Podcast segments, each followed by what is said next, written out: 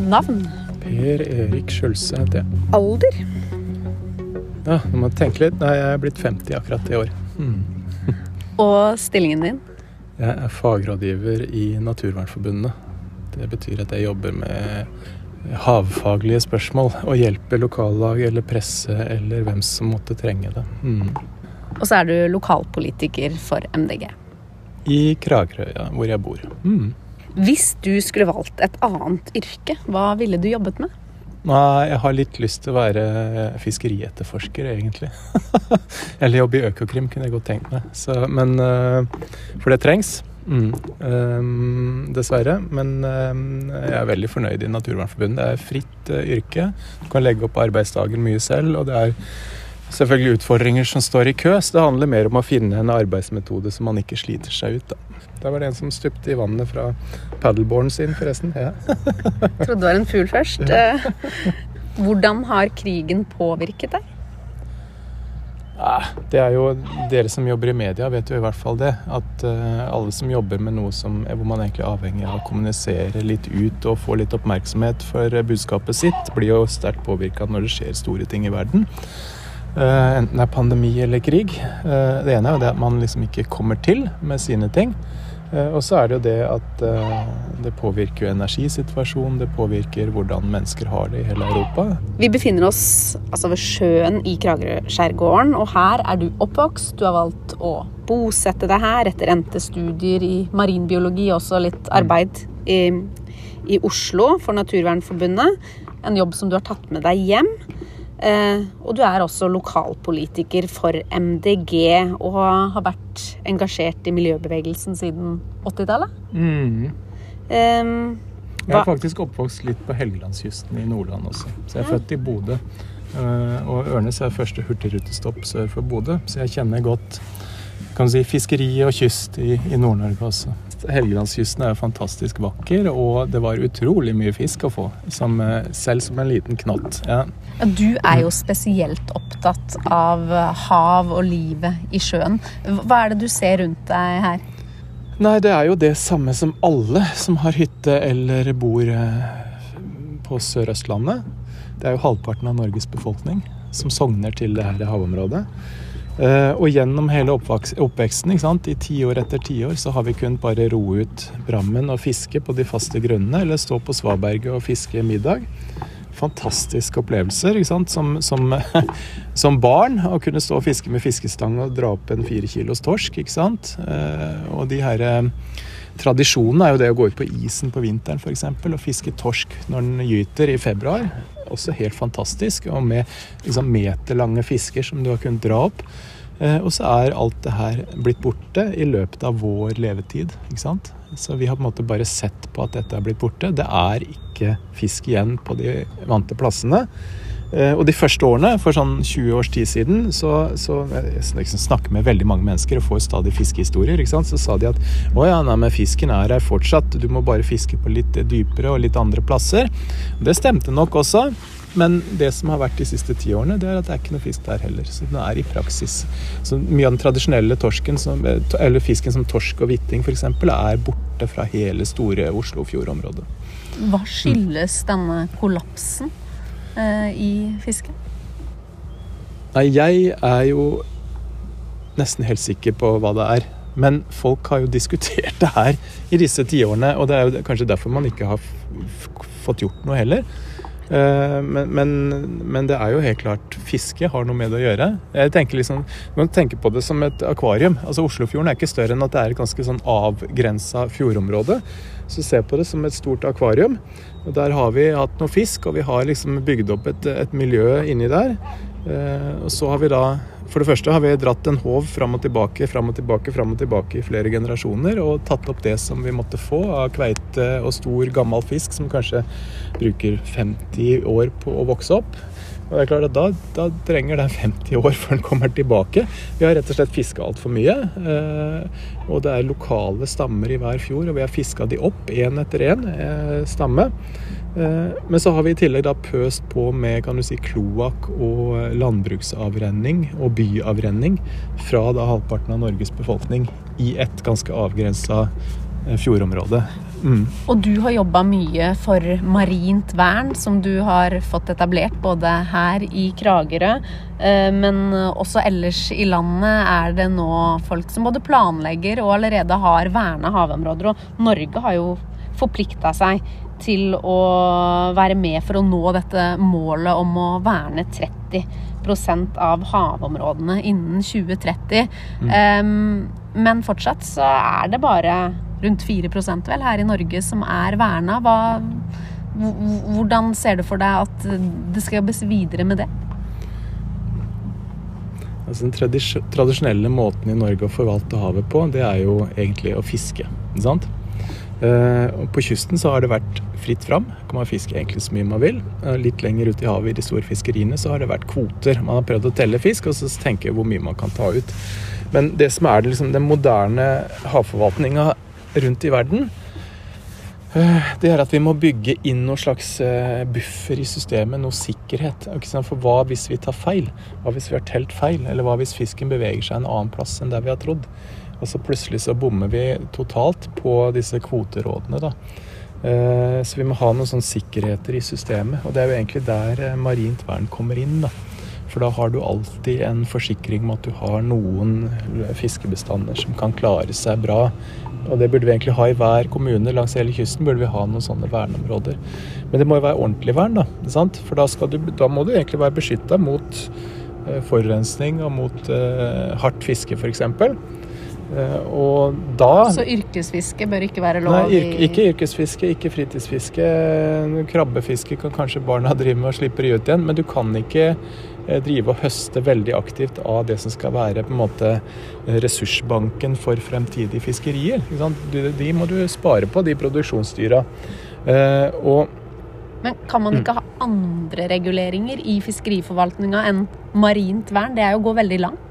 Ja, ja. Det går, går kjempelangt. Og i, i, Norge så har vi jo ikke noe tradisjon på det her, som sagt. Og vi har faktisk null ekte marint vern i Norge i dag. Man snakker om 4% og sånn, sånn, men det er jo sånn som de marine nasjonalparkene. Eh, og der, der, kan du fiske, ikke sant. Du kan fiske med garn, eh, du kan eh, fiske med snurpenot. Du kan i prinsippet gjøre nesten hva, alt det vanlige. Så det er ikke et ekte marint vern, da. Så, men vi ser i enkelte andre land, og vi ser også med f.eks. disse små hummerfredningsområdene som er prøvd ut nå på norskekysten hvor du sier at du tar bort all sånn stor fiskeredskap, garn, ruse, teine og sånn, og selvfølgelig trål. Du kan ikke drive med det inni de fredningsområdene. fredningsområdene. Da ser du en voldsom effekt på antall og størrelse på alt av marine dyr som, som lever inni der. Mm. Du var nylig på en havkonferanse i Washington DC mm. med forskere mm. fra hele verden. Mm. Eh, hva kom dere fram til der? Nei, altså jeg er jo optimist, og det er veldig gøy å se at det fins andre som er det også. Så jeg traff jo uh, havforskere fra f.eks. Portugal og Afrika og, og, Amerika, og som jobber med på en måte øh, nye måter å drive med havforvaltning på. Um, og det handler jo nettopp om hva, hva, slags effekter kan du få ut av det å prøve å gjøre ting på en litt annen måte, da. Um, og av og til så møter, møter man litt sånn eh, motstand fra det som er f.eks. de som har jobba med havforskning i 50 år og gitt råd til fiskerimyndighetene. Eh, og de mener at alle nye ideer er liksom litt sånn farlige og dumme ideer og trengs ikke. Sånn som du, du spurte om hva skal vi med marint vern hvis man kan høste bærekraftig av havet, ikke sant? Ja, nei, det er greit. Men, men, eh, da tenker jeg da må du vise oss et havområde i verden som er perfekt forvalta allerede. Uh, det, så, jeg mener at de fleste kystområdene i, i, verden er nær kollaps, og det har vært overfiska, og det har ikke vært eh, behandla pent. Så vi er helt nødt til å begynne å tenke nytt. Men det er ikke dermed sagt at min idé om at man skal ha mer havvern, er noe som vi skal ha overalt. Uh, men det må være lov å teste. Ikke sant? Man må teste noen år og så se om det virker. Og virker ikke, nei, ok. Men, men hvis det virker, så er det jo bare å rulle ut. Mm. Folk her i Kragerø de kjenner deg som en som sykler rundt i byen, og du har ikke bil, mm. og tenker nøye over eget uh, forbruk. Mm. Bør alle leve som deg? Ja, jeg vil jo si at det er ganske, en ganske lettvint måte å tenke over eget forbruk på. Fordi det, det er jo veldig Det er egentlig veldig lett, da. Sant? Sykle gjør jeg fordi det er fantastisk greit. Um, kildesortering og sånn? Nei. Det er, altså, det er, på det vanlige, på det jevne.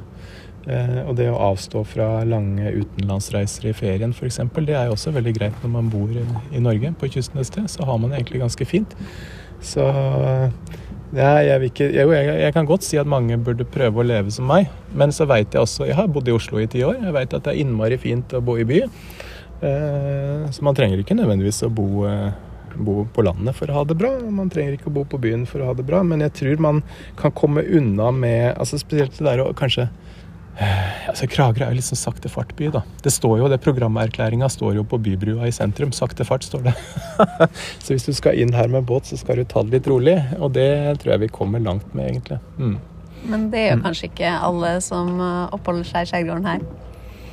Nei, jeg tror etter hvert. Jeg tror mange trakter etter det etter hvert. Fordi eh, det er også sånn det, er sånn det, blir litt filosofisk, da, men livet er jo også sånn at hvis man eh, Det er ikke noe vits å stresse, for du kommer liksom tidsnok til, til slutten. Og sånn er det med en båttur også.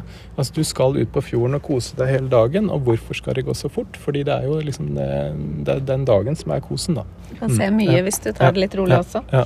Eh, skal du fly i år? Jeg har flydd til Washington og tilbake. Det tror jeg akkurat passer for meg. Mm. Spiser du kjøtt? Ja, ja, ja. Spiser kjøtt. Men jeg spiser gjerne viltkjøtt. Eh, hvalkjøtt jeg spiser jeg. Jeg har spist delfinkjøtt. så jeg har ikke noe imot det. Nei. Hvordan syns du klima- og miljødebatten har endra seg? Um, eh, når jeg begynte med natur- og miljøvern på 80-tallet, så var det, handla det om ganske mye. Det var natur, det var klima, det var liksom miljøforurensningssaker.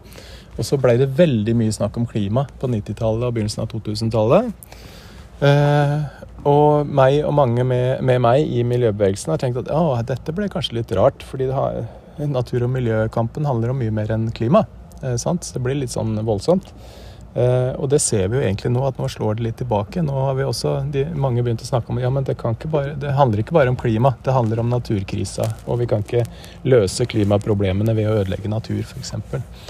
Så, men da er vi tilbake til det at det handler egentlig litt om hvordan vi innretter oss som samfunn. Og vi kan ikke liksom skille på de ulike miljøproblemene. Vi må prøve å finne ut av det sånn at det løser alt på en gang. Da. Hva er den største utfordringa som du ser som vi står overfor i dag? Det Altså, jeg er litt opptatt av at kli, altså, klima- og miljøspørsmål det kan jo deles opp i mange forskjellige tema. ikke sant? Og, du, og så har du krig og fred og sånn, men det er ikke noe vits å, å, å, sette det opp mot hverandre. fordi for miljøbevegelsen så handler det mye om egentlig å kjempe for solidaritet mellom mennesker, og, og også med naturmiljøet. Eh, og så får man prøve å innrette samfunnet sånn at man eh, klarer å leve sammen med naturen, og at mennesker også kan ha det bra en stund framover. Eh, og jeg tror det er litt sånn gærent hvis man skal tenke at vi må gjøre ting i dag for, fordi det skal være så bra for fremtidige generasjoner. fordi jeg tror ikke vi klarer helt å, å motivere oss selv til å, til å forsake ting i dag for at noen om 100 år skal ha glede av det. Eh, men, men, jeg ser at vi kommer til å få de positive effektene av miljøtiltak mye kjappere. da. Så jeg er veldig opptatt av sånn konkret miljøarbeid i f.eks. bymiljø. ikke sant? Få bort bilene, få inn myke trafikanter. Kjempefint. Du får effekt med en gang. Frisk luft og mye mer liv i byen. Det er nok av steder hvor man kan kjøre bil også. Så det er min filosofi at får, man får kompromisse og dele litt på ting. da. Sant? Det skal ikke være sånn at det er de, det som har vært egentlig dominerende strømningene de siste 100 årene, nødvendigvis eh, er det som er det riktige også framover. Og det mener jeg at der får vi jo signalene både fra, altså fra naturen og miljøet som sier at her nå dette har ikke gått så bra. Og det ser vi jo veldig sterkt nå, vi som bor på Sørlandet, hvor vi ikke har fisk igjen i fjorden. ikke sant? Et eller annet må vi ha gjort gærent.